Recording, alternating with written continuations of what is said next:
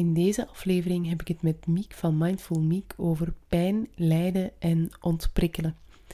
Het is het vervolg van uh, het eerste deel van ons gesprek en dat vind je terug in de aflevering over stress en ontprikkeling bij kinderen. Uh, dus dit is daar het vervolg van. Als je alleen deze aflevering wil luisteren, dan kan dat zeker. Maar als je ook de andere wil luisteren, dan raad ik je aan om eerst uh, de aflevering over stress en overprikkeling bij kinderen te beluisteren. In deze aflevering ga je af en toe merken dat er een beetje uh, storing was. Zo gaat het ook al beginnen. Uh, maar blijf er even bij. Het duurt maar een paar seconden en ja, de aflevering is zeker de moeite waard. Welkom in de reeks Moeiteloos met van de Blijf Gloeien podcast. Ik ben Elise en in deze reeks ga ik in gesprek met andere experts over onder andere stress en moeiteloosheid. We bekijken hoe moeiteloosheid dan wel stress en impact kunnen hebben op ons leven en we gaan op zoek naar manieren waarop jij meer tijd, rust en energie kan vinden. Vandaag ga ik in gesprek met Miek van Mindful Miek hier ook al een beetje aan het komen. Die pijn, dat we, daar, dat we daar niet zonder kunnen. En die emotie, dat we daar niet zonder kunnen. Uh, in ons eerste gesprek had je het ook over het verschil tussen pijn en uh, lijden. Ja. Um, hoe zou je dat aan een kind, of hoe leg je dat aan een kind uit? Oh, sowieso gekoppeld aan een situatie. Um, mm. Bijvoorbeeld, een kind moet een spuitje krijgen. Hè? Een vaccin. Hè? We kennen het allemaal, een kind moet vaccin krijgen. Dan kan je bijvoorbeeld gaan benoemen hoeveel pijn pijn doet hè? op een, met cijfer. Hè? Bijvoorbeeld, um, weet je nog dat je gevallen bent van uh, de step, hè? ik zeg maar iets. Um, hoeveel pijn heb je toen gehad? Hè? Ah, dat was wel een 5 op 10 bijvoorbeeld. En kindjes kunnen dat echt goed. Ik heb dat echt een hele jonge mm kinderen al gedaan. Hè? Uh, Dus vanaf vier jaar zou ik dat al durven doen. Uh, ik had bijvoorbeeld een vijf. Okay. En wat is het ergste dat je al een keer gehad hebt van pijn? Oh ja, ja, ik ben een keer gebotst met mijn hoofd tegen de muur. Dat was toch wel zeker een 10 op 10. En voor die kinderen is dat dan een 10 op 10 of zo. Ja. ja. Oh. En hoeveel denk je dat zo'n prikje gaat zijn? Zo, mijn naaldje, zo. hoeveel denk je dat dat gaat zijn? En de meeste kinderen kunnen dat wel redelijk goed inschatten. Die kunnen wel inschatten mm. dat dat um, waarschijnlijk maar een 2 gaat zijn, of een 1. Um, ehm, maar goed, ook al zeggen ze het is een 5 op 10, het zou mij verwonderen als ze zeggen het is een 10 op 10. Hè? Um, hè? Meestal zeggen ze het is een 5 op 10. Dan kan je gaan zeggen van, ja oké, okay, en weet je nog, hè? je hebt je pijn gedaan, maar dat is overgegaan. Heeft al lang geduurd. We hebben dat gekunnen. We hebben onze moed verzameld en wij hebben dat gekunnen. En zo blijf je eigenlijk om te beginnen al bij de pijn. Hè? Mm om dan echt het verschil te gaan uitwerken met pijn en lijden, moeten ze al een beetje ouder zijn. Hè? En dan zou ik bijvoorbeeld zeggen, uh, pak dat dat bijvoorbeeld gaat over uh, angsten, faalangst bijvoorbeeld. Hè? Dan kan je mhm. bijvoorbeeld gaan zeggen van, ook terug naar de realiteit gaan. Hè? Van kijk, ja, je hebt bijvoorbeeld een, een slecht rapport, hè? of een slecht, een slecht een slechte toets. Want meestal zijn dat kindjes die gewoon één slecht toetsje hebben en geen slecht rapport. Hè. Heb bijvoorbeeld een slechte toets. Oké, okay, hoe was dat voor u? Wat heb je daarvoor gedaan? En dan kan je dat eigenlijk zo gaan bespreken. Um, en dan kan je gaan zeggen van, ja, maar hoe is dat voor jou? Hoe voelt dat? Ah, ik ben bang dat ze mij gaan uitlachen. Ik ben bang dat mama mij niet graag gaat zien. Oké, en dat is eigenlijk leren. En dan kan je daar zoveel verder op gaan, gaan spreken. Hè. Voor kinderen die echt, heel, oh, allee, echt dat heel goed al kunnen bevatten, is er ook wel zo een, een, manier met blokjes, die ook mijn coach mij heeft uitgelegd, dat je eigenlijk bijvoorbeeld Lego-blokjes hebt. En um, het rode Lego-blokje is bijvoorbeeld een val. Dat is echt gebeurd. Of uh, een slechte toets. Dat is echt gebeurd. Voilà. Mhm. En dan komen daar gevoelens bij. Dat zijn bijvoorbeeld de gele blokjes. Voilà. Je zet die gele blokjes op je rode blokje. En dan komen daar ook nog je gedachten bij. Ah, oh, ik ben slecht. Oh, ik kan het niet. Ik ben het niet waard. Mhm. En dan zet je bijvoorbeeld groene blokjes op. Hè, of zwarte blokjes. Hè. En zo kan je eigenlijk wel visueel gaan aantonen van, kijk, dit is eigenlijk het probleem. Dat ene blokje. En mhm. dit is wat dat wij er zelf van maken. Een hele toren. Ja. Maar dat is echt Allee, dan moet je als ouder ook het concept al heel goed doorhebben. Ja, ja, ja zeker Allee, vast. Um, ja. En je hebt ook wel... voor veel volwassenen nog niet evident is. En Natuurlijk, dat, gewoon... dat is wat wij ons eigen hele tijd aan doen. Iedereen, iedereen worstelt wel een keer... Dat maakt ons ook gewoon mensen. Ik, ik mm worstel ook met onzekerheid en twijfels. Kijk, ik heb nu over laatst een webinar gegeven. Ik had daar stress voor. Was dat realistisch? Was dat nodig? Had ik daar iets mee te verliezen? Op zich niet. Maar ik heb dat zelf ook groter gemaakt dan dat was. Dat is gewoon wat wij doen. Dat is wat de angst met ons doet. Ja. En ik denk dat dat zeker ook niet uh, slecht is, zolang dat het binnen de werken blijft. Hè, dat je niet echt een angststoornis gaat ontwikkelen. Hè, nee. Maar ik denk inderdaad, dat is menselijk. En zolang dat je dat ja. uiteindelijk terug in perspectief gaat kunnen zien, ja. van, ah, maar wacht, misschien was het toch niet... Allee, ik dacht nu echt dat dat heel erg ging zijn en eigenlijk was ja. dat toch niet. Ja. Dat lijkt me dat zeker ook geen probleem te zijn. Ik denk ook niet dat je dat kunt vermijden uiteindelijk. Nee, en het is om terug te gaan naar onze natuur of onze natuurlijke ja, manier van reageren, heeft angst of heeft die manier van denken er ook voor gezorgd dat we hebben kunnen overleven. Want stel je voor dat wij oermensen waren en wij hoorden een geluidje of wij roken een vreemde geur en wij hadden zoiets van, oh ja, het is daar, Oh, ik niks, uh, ga er nu een keer mindful mee om, ik merk het op, maar eh, ja, we doen er niets mee. Ja, we zouden het niet overleefd hebben. Dus we zijn geëvolueerd van de oermens die eigenlijk ja, heftig reageerde op emoties en echt wel Ja. handelde naar zijn emoties. Dus het is, het is iets Mhm. heel erg natuurlijk. Alleen weet ons lichaam niet meer, of ons, ons zenuwstelsel kan geen onderscheid maken tussen angst voor een webinar die gaat mislukken, of Ja. angst voor een dino die je plots komt opeten. Allee. maar dat is Ja, ja. Ons lichaam reageert nog altijd hetzelfde. En dat is iets... Ja, dat- stresssysteem is eigenlijk niet geëvolueerd, terwijl dat onze Nee. wereld Ja. heel fel geëvolueerd is Ja, sinds dat we klopt. eh, eh, jagers-verzamelaars waren en echt moesten gaan lopen voor een tijger die kwam of weet ik Nee, nee, wat. klopt. Ja, absoluut. Dus Absoluut. Ja. Ja, en zo komt het ook. Ja, een jager-verzamelaar ging misschien één keer een dino tegenkomen op een week. En één keer in, in de maand eh, een brand. Ik weet niet, ik zeg maar iets. eh, Maar wij komen, wij komen hele dagen kleine angstjes tegen die voor ons lichaam wel hetzelfde betekenen als die grote angst. Ja. Van Oh, die, ik heb een bericht van mijn baas. Zo. Dat, dat is Ja. het equivalent van, oei, ik, eh, mijn huis staat in brand. Binnen, Bijvoorbeeld, Voor, voor ons ja. stresssysteem eigenlijk al. Ja, Wat dan wel vaker inderdaad, meerdere keren per dag ook zelfs, gaat voorkomen. Zo'n kleine stressjes. begint men naar... Voor wie dat naar zijn werk rijdt en niet van thuis uit werkt, en voor de kinderen die naar school moeten, kan dat al beginnen met ik moet op mijn fiets en er passeert hier een camion. En ik verschiet Mhm. daarvan. Bijvoorbeeld. Ja, Mhm. en dan komt op die speelplaats, hè, en dan lopen er daar tien gillende kinderen, waar dat ik ook al een klein beetje ambetant van zei. Het springt die in mijn nek, die wel blij is om mij te zien, maar ik ben toch ook weer geschrokken. Eh, ik moet naar het toilet, maar ik mag niet, dus ik moet mijn plas ophouden. Ik durf het eigenlijk niet goed vragen aan de juf, want ja, de juf was de vorige keer boos op dat andere kindje, dus nu gaat ze misschien boos Ja. zijn op mij.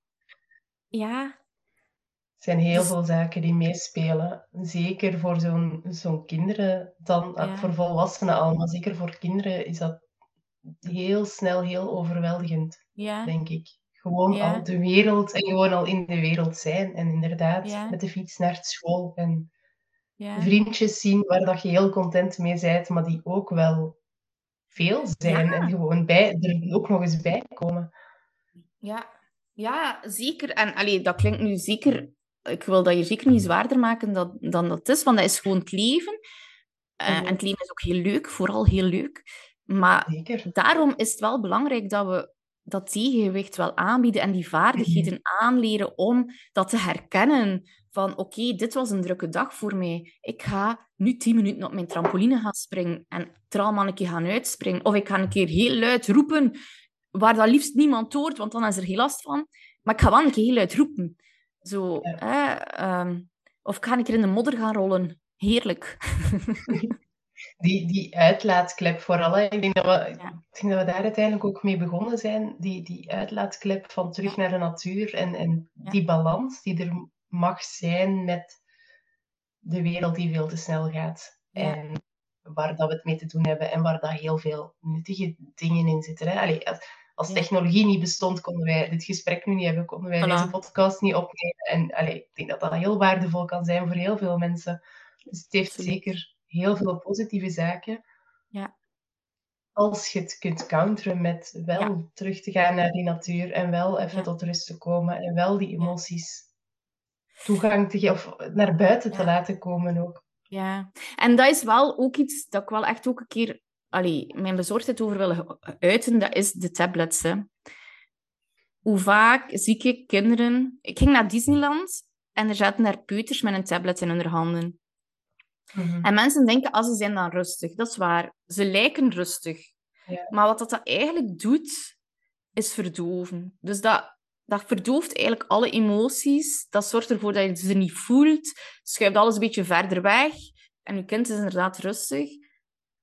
Maar voor, voor de rest doet dat doorgaans niks. Allee, ik wil ook niet alles van uh, technologie afbreken, maar nee. het gebruiken om tot rust te komen kan, is maar doe dat alsjeblieft niet te lang. Doe dat vijf minuten, maar daarna... Een kind is gemaakt om lawaai te maken, om te bewegen, om zich vuil te maken.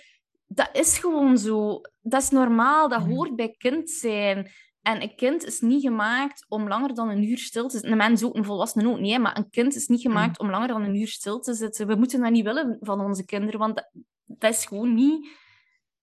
Dat is onze natuur niet. Mhm. Dus dat is wel een beetje een bezorgdheid dat ik soms heb van kinderen die helemaal overprikkeld zijn op school. En dat hoort erbij. En, en ja, soms is dat gewoon zo. Laat die alsjeblieft thuis ontprikkelen en zet, geen, zet hen er niet voor een schermpje, omdat ze dan rustig zijn. Ze lijken rustig, dat is waar. Maar ze doen niks met hun emoties, ze doen niks met de prikkels die ze hebben gehad. Blijft gewoon allemaal in dat lijfje zitten. En dat is wel toch een bezorgdheid. Uh, ja, dan merk ik toch op dat dat, toch wel echt uh, in sommige gevallen extreem is, ik zou het zo zeggen. In de manieren om te gaan ontprikkelen, zijn dat dan de dingen die je net hebt genoemd? Trampoline springen, in de modderrollen, een keer hard roepen, zo'n zo zaken dan? Ja, en je kunt dat wat wetenschappelijker gaan benaderen hè, dan, en een sensorisch profiel gaan opmaken. Hè. Dan ga je eigenlijk gaan kijken naar, oké, want je hebt overprikkeling, maar je hebt ook onderprikkeling. Hè. En sommige mm zintuigen zijn ook onderprikkeld. Um, dus als het vrij complex is en het is niet echt duidelijk van, oké, wanneer is mijn kind nu onderprikkeld en wanneer is het nu overprikkeld en wat doet dat daarmee, dan kun je daar een sensorisch profiel voor laten opmaken. Hè. Um, het enige waar we voor moeten opletten is dat je niet het um, zintuig dat al um, overprikkeld is, nog een keer extra gaan prikkelen. Mhm. hè? Dus bijvoorbeeld, dus dat ik bedoel met visuele zaken nog een keer aanbieden bij een kind dat al visueel overprikkeld is, lijkt mij niet zo interessant.